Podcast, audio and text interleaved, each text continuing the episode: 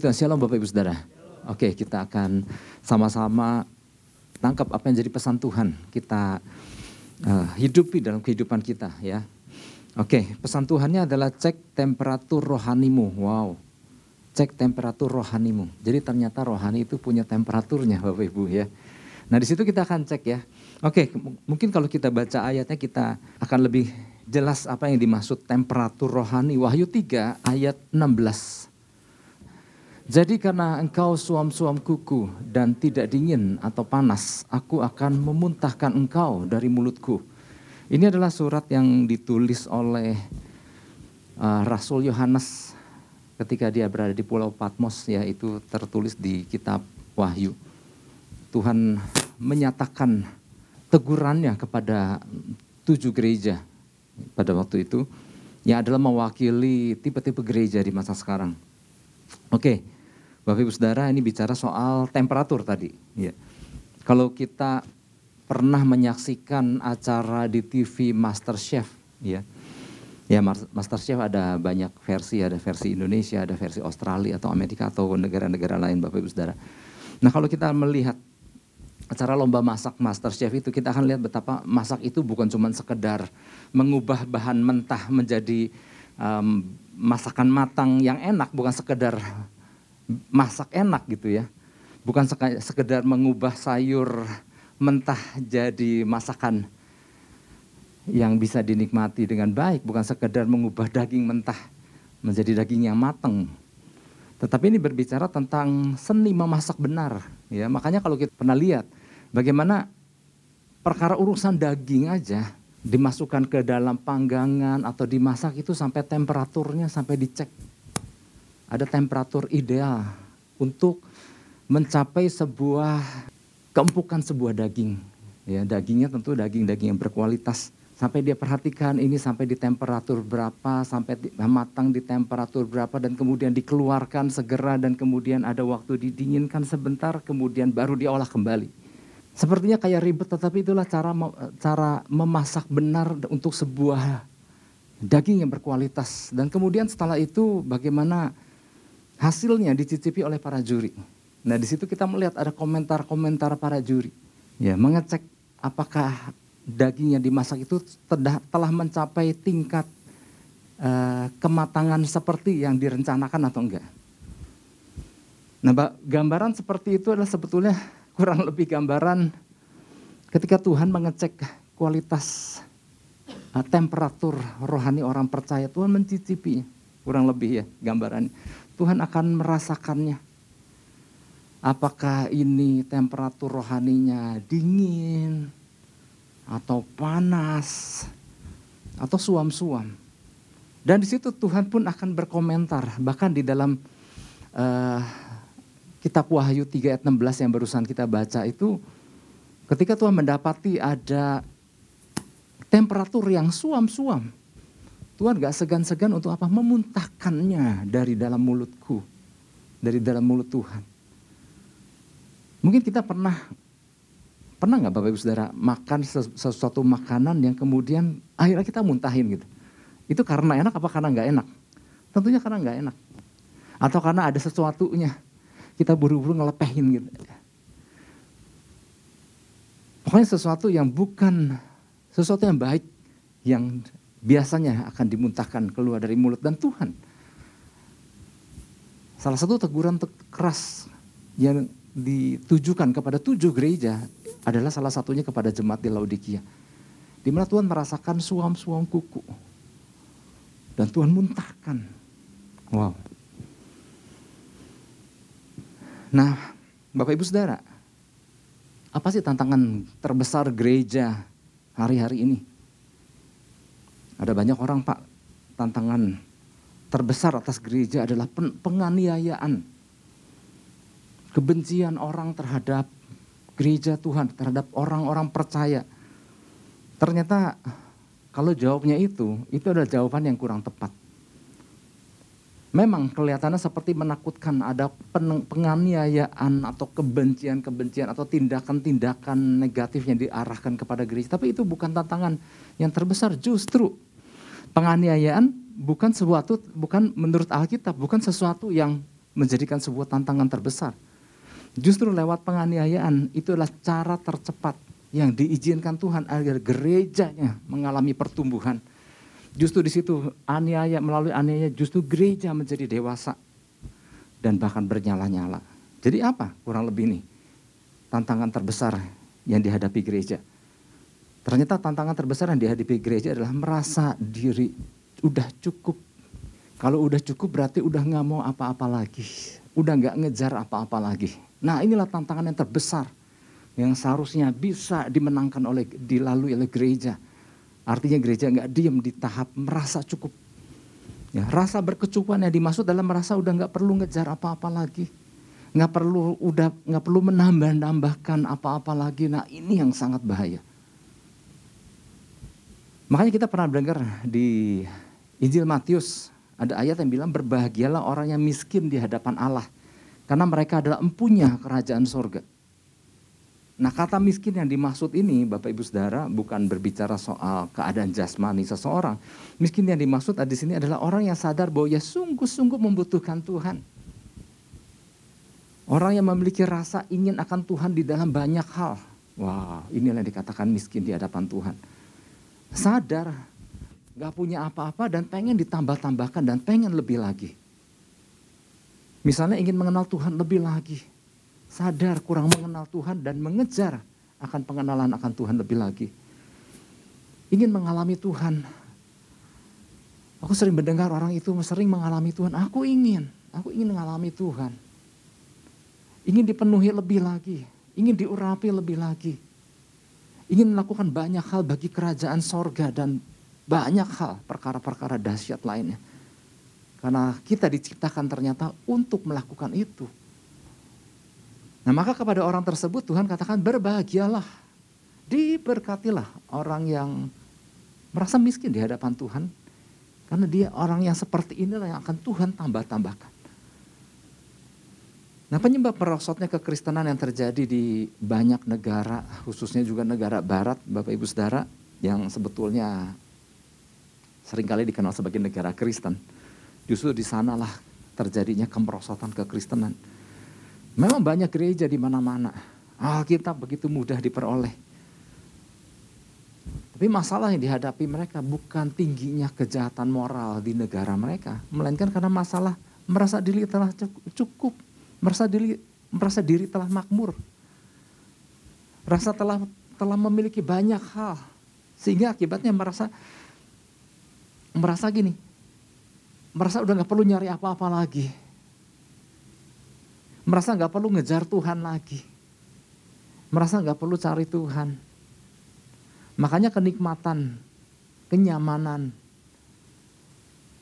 yang mereka alami merasa datang nggak datang toh aku juga nyaman-nyaman aja gitu.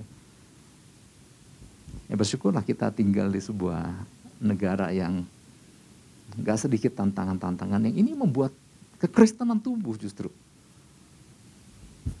Rasa ketergantungan akan Tuhan ya seharusnya menjadi lebih tinggi. Nah, rasa kecukupan yang tadi di berbagai bidang kehidupan itu membuat mereka apa terlena Masa nggak merasa nggak perlu lagi mencari sesuatu untuk Tuhan. Akibatnya apa? Mereka jadi istilahnya dalam tanda kutip menjadi gemuk. Ya, nyaman, ya, merasa segala sesuatu sudah tercukupi. Akhirnya mereka gagal menyandarkan dirinya sama Tuhan. Kehilangan kepedulian kepada dunia yang seharusnya mereka terangi. Udah gak melihat lagi bahwa wow orang itu belum kenal Tuhan. Aku harus lakukan sesuatu, udah gak ada. Karena yang penting aku udah nyaman, aku udah merasa cukup. Nah ini pula yang terjadi ya kepada tujuh gereja. Salah satunya Laodikia ini yang dikecam sama Tuhan. Jadi jemaat ini disebut jemaat yang suam-suam kuku. Ya nggak panas, nggak dingin. Penyebabnya adalah karena mereka merasa cukup. Karena ternyata dari tujuh gereja yang paling kaya adalah gereja Laodikia ini. Mereka punya banyak hal sehingga mereka merasa nggak butuhkan apa-apa lagi. Akibatnya hasrat untuk mencari dan membangun hubungan sama Tuhan udah nggak lagi jadi prioritas utama mereka. Nah ini yang Tuhan rasakan. Wah ini kok suam-suam begini sih gitu ya. Dan Tuhan kasih teguran yang keras. Aku akan memuntahkan. Mereka merasa diri punya banyak hal, tapi di mata Tuhan mereka adalah orang-orang miskin. Tapi bukan miskin yang tadi di hadapan Tuhan. Mereka yang di, di mata Tuhan adalah mereka yang sebetulnya nggak punya apa-apa karena mereka nggak cari Tuhan. Nggak sungguh-sungguh sama Tuhan. Tipe itulah yang Tuhan bilang yang akan dimuntahkan. Nah ini jadi pesan Tuhan. Pesan Tuhannya adalah gini, Tuhan merasakan gak sedikit orang percaya mulai mengalami kesuaman rohani. Kesuaman gak semata-mata dilihat dari jarang atau tidaknya orang percaya datang ke gereja. Yaitu memang salah satu ukuran. Tetapi ternyata gini Bapak Ibu Saudara. Suam itu bukan soal datang gak datangnya. Betul ya, apa kalau kalau nggak datang ya, ya jelas ada ada perkara tersendiri. Tetapi orang yang suam itu juga termasuk orang yang datang ke gereja gitu maksudnya. Karena kesuaman bisa terjadi kepada mereka yang rajin datang beribadah. Wow. Kesuaman menurut kamus Webster ya, kalau kesuaman menurut saya mungkin nggak objektif, tapi kalau kita lihat kesuaman menurut kamus Merriam-Webster, yang disebut kesuaman adalah keadaan hangat. Hangat ini adalah nggak panas, nggak dingin, ya itu kata kamus. Tapi ternyata kalau keadaan hangat itu terjadi di kondisi hati manusia, maka kesuaman ternyata yang diartikan oleh adalah sama mereka adalah gini, keadaan half hearted, setengah hati, tidak memiliki kebulatan hati lagi.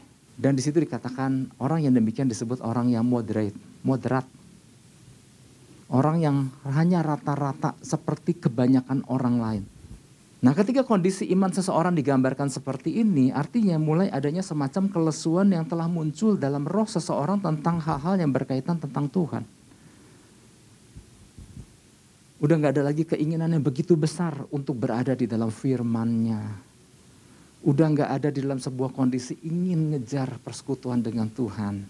Yang kayak gini kan sebetulnya kan urusan-urusan pribadi ya. Datang ke gereja bisa, bisa aja termasuk orang-orang yang datang ke gereja tetapi secara pribadi, pengejaran akan Tuhannya udah mulai kendor. Pengejaran akan firmannya udah mulai berkurang. Kerinduan akan hadirat Tuhan. Gairahnya udah mulai gak ada. Ya. Waktu ibadah dirasakan seperti udah kurang gregetnya. Nah, ibadah lagi, ibadah lagi. Melayani lagi, melayani lagi. Ya. Jadi melayani sudah merasa sudah terasa seperti uh, kayak membawa beban. Sedangkan kita pernah diingatkan dulu dalam pertemuan pengerja bahwa kita kalau kita melayani Tuhan itu bukan beban, tapi itu kehormatan. Katakan amin. Tapi sering kali orang yang suam akhirnya menjadi sebuah beban. Terus apa lagi? Keadaan orang percaya mulai kehilangan semangat untuk mentaati hukum-hukum Tuhan. Mentaati firman Tuhan maksudnya. Nah tanda-tanda seperti itulah sebetulnya adalah sebuah red flag. Red flag itu bendera peringatan. Ini adalah sebuah tanda peringatan, ya, tanda bahaya bagi orang percaya bahwa hatinya udah nggak berada di tempat yang semestinya lagi. Hatinya udah nggak berada di, di dalam kondisi yang seharusnya. Jadi istilahnya mencoba mesra sama Tuhan padahal sudah nggak punya hati lagi gitu. Kira-kira Tuhan ngerasain nggak? Bapak saudara yang pernah merasakan uh, punya pasangan ini dari konseling ya, saya bukan cerita. dari konseling-konseling gini. Kalau orang pura-pura mesra, kerasa nggak sih gitu? Kerasa Bapak Ibu Saudara. Terus kita pura-pura mesra sama Tuhan gitu. Kira-kira Tuhan tahu nggak sih kondisinya? Makanya Tuhan kan pernah tulis kan, suruh, suruh Nabi Yesaya kan di dalam Yesaya 29 ayat 13. Mereka datang kepadaku dan menyembah kepada aku, memuliakan aku. Tapi hatinya menjauh daripadaku. Yang paling merasakan adalah Tuhannya. Coba dimunculin Yesaya ini. Dan Tuhan telah berfirman oleh karena bangsa ini datang mendekat dengan mulutnya dan memuliakan aku dengan bibirnya. Padahal hatinya apa? Menjauh daripadaku. Dan ibadahnya kepadaku hanyalah perintah manusianya dihafalkan. Ternyata kita mungkin bisa acting di hadapan manusia, tapi kalau sama Tuhan, Tuhan tahu banget. Ya. Tapi sebetulnya gini, kalau itu pasangan, pasangan pun akan merasakan, ini sungguh-sungguh apa enggak sih? Nah di kitab Wahyu Tuhan katakan bahwa orang percaya mengalami kesuaman akan terlihat dari apa? Dari pekerjaannya. Maka kalau kita kembali ke Wahyu 3 ayat 15. Yang yang terlihat apanya? Makanya di dalam surat itu kan yang ditulis ke uh, ayat 15. Aku tahu segala pekerjaanmu. Yang terlihat adalah dari pekerjaan, dari apa yang kita perbuat. Aku tahu segala pekerjaanmu, engkau tidak dingin dan tidak panas. Alangkah baiknya jika engkau dingin atau panas. Satu hal yang menarik dari ayat ini adalah gini Bapak Ibu Saudara. Dikatakan alangkah baiknya jika engkau dingin atau panas. Kan ada tiga tipe temperatur kan. Dingin, suam, panas. Tuhan bilang alangkah baiknya jika engkau dingin atau panas. Nah ini jangan disalah artikan. Kalau mau jahat, jahat sekalian. Kalau mau baik, baik. Bukan itu maksudnya. Ada kadang-kadang kan orang punya prinsip seperti itu. Gua mah kalau jahat, gua nggak tanggung-tanggung. Tapi kalau gue bantu orang, gue juga nggak tahu. Bukan itu maksudnya. Karena Tuhan nggak pernah ngajarkan kita untuk menjadi jahat-jahat sekalian, bukan itu. Adalah lebih baik kalau dingin daripada suam gitu. Dingin dingin adalah gini, orang yang dalam keadaan dingin adalah sikap polos bahwa seseorang menyadari bahwa kondisi hatinya sedang buruk. Dan sedang dalam kondisi terendah dan jujur mengatakan sama Tuhan, Tuhan aku lagi gak baik-baik saja. Aku butuh engkau. Aku butuh pertolonganmu Tuhan. Itu yang dikatakan keadaan dingin. Merasa diri memang lagi benar-benar down, lagi drop banget. Tapi datang minta pertolongan sama Tuhan. Nah kalau suam-suam adalah kondisi di mana orang itu merasa baik-baik saja padahal tidak baik-baik saja. Ini kan yang bahaya. Kalau orang dalam keadaan dingin dia sadar dia lagi dalam keadaan buruk. Tapi dia datang sama Tuhan minta ditolong. Kalau suam-suam dia merasa oke. Okay. Merasa bernyala-nyala gitu. Nah ini yang jadi masalahnya. Enggak ngerasa. Kenapa? Orang itu ada dalam kondisi suam-suam. Nah apa yang harus dilakukan kalau gitu ketika kondisi hati, kondisi rohani mengalami kesuaman yang pertama adalah segera sadari gejalanya dan tangkap kembali prioritas utama kita yang sesungguhnya. Di, di situ dikatakan sadari segera gejalanya. Jadi apa pun, ya orang-orang mau flu aja ada gejalanya kok. Wahyu 3 ayat 17 coba kita lihat dulu. Wahyu 3.17 bilang gini, karena engkau berkata aku kaya dan aku telah memperkayakan diriku dan aku tidak kekurangan apa-apa dan karena engkau tidak tahu bahwa engkau melarat dan malang, miskin, buta dan telanjang. Ada satu yang menarik, bukan menarik sih, ada sesuatu yang ditekankan aku, karena engkau berkata aku kaya dan aku telah memperkayakan diri. Nah, aku tidak kekurangan apa-apa. Di mata Tuhan, Tuhan melihat banyak kekurangan tapi orang itu merasa aku nggak kekurangan apa-apa sadar kalau kondisi tubuh lelah dan sakit masih lebih baik daripada dibandingkan merasa baik-baik aja tubuhnya padahal sebetulnya lagi nggak sehat gitu. Karena biar gimana pun kalau kita uh, paham tentang tubuh kita, sebetulnya ada gejala sih kalau kita mau sadari. Misalnya gini, kalau misalnya gejalanya udah nggak enak leher, udah mulai demam, ngecap makanan udah mulai nggak ada gitu ya. Nah biasanya, waduh jangan-jangan kena nih positif COVID nih gitu ya. Karena apa? Semua diawali dengan yang namanya gejala, simptom. Ada tanda-tanda di awal yang mengarahkan apakah benar ini seperti yang dimaksud tentang akan datangnya sakit tertentu gitu. Ada tanda-tandanya, ada gejalanya. Nah sebetulnya orang-orang yang dalam keadaan rohani yang mulai turun, mulai suam, sebetulnya kan ada tanda-tandanya. Nah dari lewat pesannya ini ya mungkin Tuhan mengingatkan kita bahwa yuk salah satunya kita juga belajar kalau ada tanda-tanda ini jangan dibiarkan. Karena ini akan terus membuat orang melorot rohaniannya. Nah jemaat di Laodikia mendapat teguran yang sangat keras oleh Tuhan karena mereka merasi, masih merasa tetap oke-oke saja di saat segala kesuaman jelas sudah mereka alami. Ya, makanya di situ dikatakan, aku nggak kekurangan apa-apa, aku kecukupan kok, gitu ya. Nah, sedikit latar belakang tentang Laodikia ya, saya sampai nggak ceritakan tentang latar belakang Laodikia. Sebenarnya banyak sih. Nanti biarlah di, dijelaskan oleh para pengkhotbah-pengkhotbah yang lain. Tapi Yang saya mau jelaskan kenapa dia bisa bilang aku nggak kekurangan apa-apa karena memang Laodikia merupakan sebuah kota yang sangat strategis letaknya. Pusat perdagangan yang sangat makmur.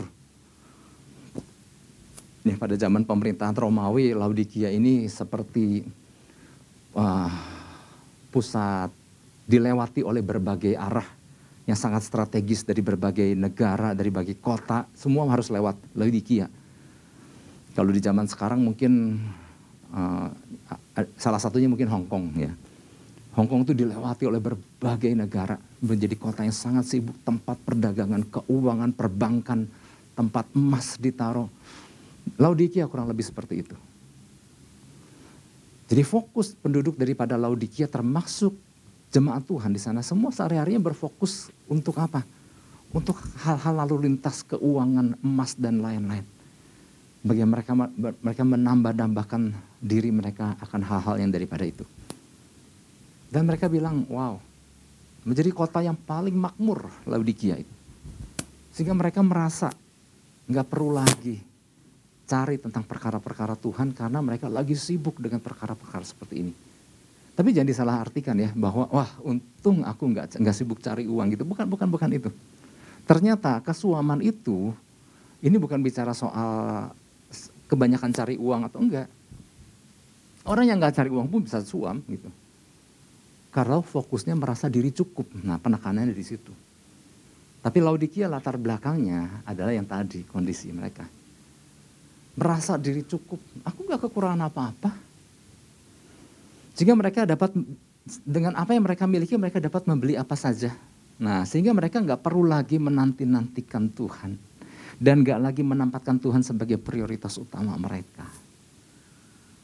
Lalu latar belakang Laodikia ya belum nanti kalau uh, belum saya ceritakan dulu kita sering dengar lah kenapa ada suam-suam. Nah itu sebenarnya ada latar belakang tersendiri tapi nantilah biar yang lain aja jelaskan. Nah karena tadi dikatakan sadari gejala yang terjadi. Nah oleh sebab ini beberapa yang saya mau sampaikan adalah yuk kalau gejalanya ini berarti mulai perhatikan. Karena ini adalah gejala-gejala bagaimana seseorang menuju kepada kesuaman rohani. Yang pertama adalah Kesuaman terjadi tanpa disadari ketika seseorang mulai mengejar dan mempercayakan dirinya pada hal-hal lain. Lebih daripada pengejaran akan Tuhan yang sebagaimana seharusnya. Kesuaman terjadi tanpa disadari ketika seseorang mulai mengejar dan mempercayakan dirinya kepada hal-hal yang lain lebih dari pengejaran akan Tuhan. Hal-hal yang lain itu bisa berupa apa aja gitu. Nah kalau Laodikia mereka cari emas ini itu. Tapi mengejar hal-hal yang lain kan bisa apa aja bentuknya alat yang kita pegang, gadget yang pegang itu bisa menjadi sesuatu yang lain yang termasuk ini. Meng, mengejar, mempercayakan dirinya pada hal-hal yang lain lebih dari pengejaran akan Tuhan. Kalau yang dicari oleh orang percaya hanyalah soal kecukupan jasmani, datang soal datang kepada Tuhan perkara kecukupan jasmani, hati-hati. Ya ada ada orang kan datang sama Tuhan tuh bukan cuma sekedar pengen kenal Tuhan, ada tujuan utama orang datang sama Tuhan adalah soal kecukupan jasmani. Nah hati-hati kalau ini yang menjadi prioritas. Karena gini, kalau bicara soal kecukupan kecukupan rohani, eh kecukupan rohani, kecukupan jasmani, iblis pun bisa kasih gitu. Makanya waktu Yesus dicobai oleh iblis kan, salah satunya adalah soal kecukupan. Aku akan memberikan ini semua kepadamu kalau engkau sujud menyembah kepadaku. Kalau bicara fokusnya hanya soal kecukupan jasmani, banyak pihak yang bisa memenuhi itu semua. Nggak salah dengan orang mencari kecukupan jasmani, tetapi kadang-kadang udah melebihi daripada apa yang dikatakan mencari pengejaran akan Tuhan. Itu yang pertama ya. Kesuaman terjadi tanpa disadari ketika seorang mulai mengejar dan mempercayakan dirinya pada hal-hal yang lain. Yang kedua, kesuaman dapat terjadi pada orang yang merasa telah memiliki dan mengetahui banyak hal Kesuaman dapat terjadi pada orang yang, nah ini yang ditanda kutip, merasa telah memiliki dan mengetahui banyak hal. Sehingga kehilangan hasrat untuk menambah-tambahkan lagi elemen-elemen ilahi kepada imannya. Kalau kita pernah dengar surat yang ditulis oleh Rasul Petrus, ya kan? Dia punya pengalaman lah bagaimana dulu dia pernah mengalami penyangkalan, pernah menyangkal Yesus. Makanya waktu dia tulis suratnya dia belajar, dia mengajarkan banyak orang untuk tidak mengulangi apa yang pernah dia lakukan. Yang namanya menyangkal Yesus itu bukan hanya seperti yang pernah dia lakukan. Aku nggak kenal sama dia, tetapi bisa dalam bentuk banyak hal. Itulah sebabnya Rasul Petrus dalam suratnya dia bilang harus tambah-tambahkan kepada iman. Tapi kalau orang merasa udah cukup dan udah nggak mau nambah-nambah, karena di situlah kesuaman terjadi. Di situ dikatakan kamu harus menambahkan kepada imanmu apa? Kebajikan. Tapi ternyata kan gak cukup kebajikan, tambahkan lagi kepada kebajikan adalah pengetahuan. Tambahkan lagi kepada pengetahuan penguasaan diri. Tambahkan lagi kepada penguasaan diri ketekunan. Tambahkan lagi kepada ketekunan kesalehan. Tambahkan lagi ke, kepada kesalehan kasih akan uh, saudara-saudara. Tambahkan lagi kasih akan saudara-saudara kepada kasihkan banyak orang. Jadi artinya terus tambah-tambahkan. Kadang-kadang gini, menambah-tambahkan akan berhenti kalau merasa aku udah punya semua gitu. Nah hati-hati kalau kita udah merasa ah kayaknya udah nggak perlu dah, kayaknya aku udah udah udah menguasai banget. Nah di situ loh, itulah gejala awal daripada kesuaman. Kalau kita merasa diri kayaknya aku udah nggak ngejar apa-apa lagi, hati-hati. Itulah gejala kesuaman sebetulnya. Aku udah gak perlu pengetahuan, aku udah banyak tahu. Nah hati-hati, jangan-jangan udah suam. Nah, kesuaman yang ketiga ada kesuaman dapat membuat seseorang kehilangan ketajamannya akan maksud Tuhan dalam hidupnya. Kesuaman dapat membuat seseorang kehilangan ketajamannya akan maksud Tuhan dalam hidupnya. Lalu sambung ya. Dan kehilangan gairah untuk memengaruhi dunia dengan nilai-nilai kerajaan sorga. Kalau kita sadar untuk apa kita dipilih, kan bukan untuk sekedar, kita sering dengar ya, kan bukan untuk, sekedar diselamatkan. Tuhan pilih kita karena Tuhan mau pakai kita. Katakan amin. Tuhan pilih kita karena Tuhan mau mempercayakan kita Ketika Tuhan mempercayakan kita, kita akan diperlengkapi. Nah, kesuaman adalah ketika seorang kehilangan ketajaman untuk maksud Tuhan dalam hidupnya. Untuk apa ya aku hidup? Nah, kalau ada orang yang merasa seperti itu artinya udah suam gitu. Udah nggak tahu mesti ngapain lagi. Apa sih yang harus aku lakukan? Sebetulnya panasnya kerohanian seseorang itu kan terlihat sebetulnya. Pernah ada satu ayat firman Tuhan kan bilang di dalam Yohanes 2 ayat 17. Jadi kalau seorang punya passion sama Tuhan itu kelihatan banget. Kalau orang punya passion sama firman ya kelihatan banget sebetulnya kan. Ketika orang-orang melihat bagaimana Yesus membongkar bangkirkan meja-meja penukar uang, uang di bait Allah. Sampai murid-murid bilang, wow cinta untuk rumahmu menghanguskan aku. Dia ada mengutip dari salah satu Mazmur. Dia melihat betapa cintanya Yesus akan rumah Tuhan itu kelihatan. Dia nggak suka orang-orang yang mendatang dengan maksud yang salah, motivasi yang salah, tukar uang, tukar hewan untuk keuntungan. Dan Yesus nggak tinggal diam. Yesus ini aku ini harus dibersihkan. Nah jadi orang yang yang punya sebuah passion yang luar biasa, punya sebuah uh, kerohanian yang bernyala-nyala akan terlihat rasanya kalau makanya gini Bapak Ibu Saudara di dalam uh, kitab hukum pidana, jauh kitab hukum pidana. Orang yang ada di tempat kejadian dan dilihat dan dia melihat ada kejahatan terjadi dan dia nggak melakukan apa-apa, dia terlibat. Yesus melihat ada yang nggak beres dan buat dia, wah ini orang kok sembarangan cari uang di tempat di bait Allah. Dia lakukan sesuatu. Yesus memperlihatkan tindakannya yang bernyalanya itu dengan berani. Dia memperingatkan orang yang datang dengan motivasi-motivasi yang salah ke bait Allah. Tapi bukan cuma itu aja, ia menyembuhkan, Yesus juga menyembuhkan orang. Yesus juga berjalan berkeliling, memberitakan Injil kerajaan. Dia melepaskan orang yang tertawan, dia melepaskan orang yang terbelenggu, mencerlikan mata orang-orang buta Kelihatan nggak ada seorang yang ada pribadi yang bernyala? Kelihatan banget apa yang Yesus lakukan. Apa yang Rasul Paulus lakukan? Wow, betapa ia bernyala-nyala buat Tuhan. Makanya beberapa waktu yang lalu hari Jumat ya Bu Muti pernah nyampaikan di aniaya kayak begini jalan aja gitu. Karena memang nggak tertahankan orang yang berkobar-kobar buat Tuhan itu. Apa pun yang dia hadapi. ya Terus yang keempat, wah ini cuma kayaknya cuma satu poin aja ya. Yang keempat, kesuaman membuat seorang percaya mulai enggan menyelaraskan dirinya dengan kebenaran. Mulai enggan menyelaraskan dirinya dengan kebenaran. Bahkan sebaliknya, dia mulai menyelaraskan dirinya dengan kebenarannya sendiri. Kesuaman adalah orang percaya yang mulai enggan menyelaraskan dirinya dengan kebenaran Tuhan, tapi mulai menyelaraskan dirinya dengan kebenaran diri sendiri. Merasa diri benar gitu maksudnya. Jadi waktu seorang datang ya melakukan devotion sama Tuhan, selainnya nggak nggak cuma sekedar memuji menyembah Tuhan itu bagus tetapi juga datang ke hadiratnya seperti Daud selidikilah aku lihatlah hatiku apakah jalan-jalanku serong tuntun aku berjalan dalam seluruh kebenaran jadi waktu dia waktu Daud datang sama Tuhan dia bukan cuma sekedar menyembah Tuhan tapi dia ingin menyelaraskan dirinya untuk minta dikoreksi sama Tuhan dia datang mungkin dia mengevaluasi apa yang dia lakukan aduh Tuhan, salah ya. Lalu dia minta Tuhan tuntun aku. Dia jadi menyelaraskan dirinya. Jadi sama waktu kita baca firman Tuhan, kita juga bukan cuma sekedar kejar tayang bagaimana harus hafal, eh harus hafal, bagaimana harus habis supaya setahun selesai. Enggak cuma semata-mata itu, tetapi waktu kita datang baca firman, kita tuh lagi bercermin kata surat Yakobus. Kita lagi mencoba menyelaraskan diri sama dengan kendaraan roda empat mungkin ya. Ketika kayaknya rasanya udah nggak balance lagi nih, udah agak condongnya udah mulai ke kanan atau ke kiri. Nah biasanya kendaraan yang seperti itu dibawa ke tukang spuring.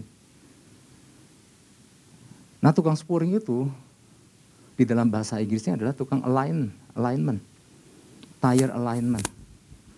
Si rodanya di align lagi, diselaraskan lagi. Nah demikian pula orang percaya waktu datang sama Tuhan kita tuh lagi sebetulnya lagi mengelain, lagi menyelaraskan diri kita. Diselaraskan dengan apa yang jadi maksud Tuhan, apa yang jadi ketetapan Tuhan. Nah waktu-waktu yang kita uh, spend sama Tuhan adalah salah satunya untuk apa? Mengevaluasi, mengintrospeksi. Makanya Daud ini luar biasa ya, dia datang minta selidikilah aku dalam bahasa asli saya pernah, pernah sampaikan minta di minta di ronsen minta di MRI untuk lihat dalam-dalamnya Tuhan. Mungkin selewat Daud merasa oke, okay, tapi waktu dia datang sama Tuhan, di situ Tuhan ingatkan banyak hal. Wah ini luar biasa.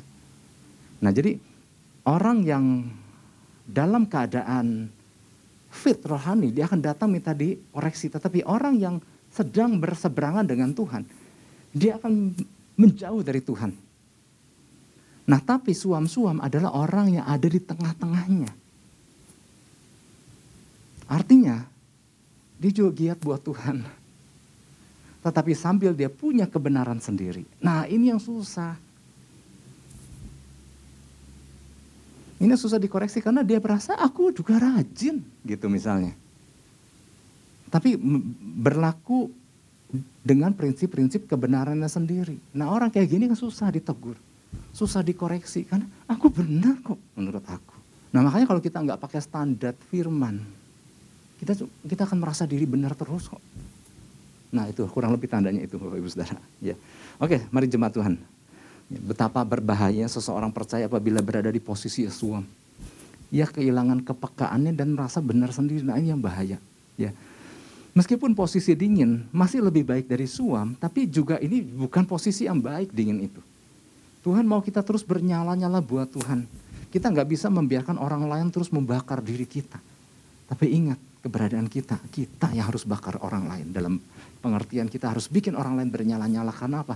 Ada sumber kobaran ada di dalam kita. Yang membuat kita bernyala-nyala dan kita bikin orang lain bernyala-nyala. Ada pengaruh, ada impartasi yang harus kita bagikan. Yang ngerti katakan amin dan beri tepuk tangan buat Tuhan Yesus. Haleluya.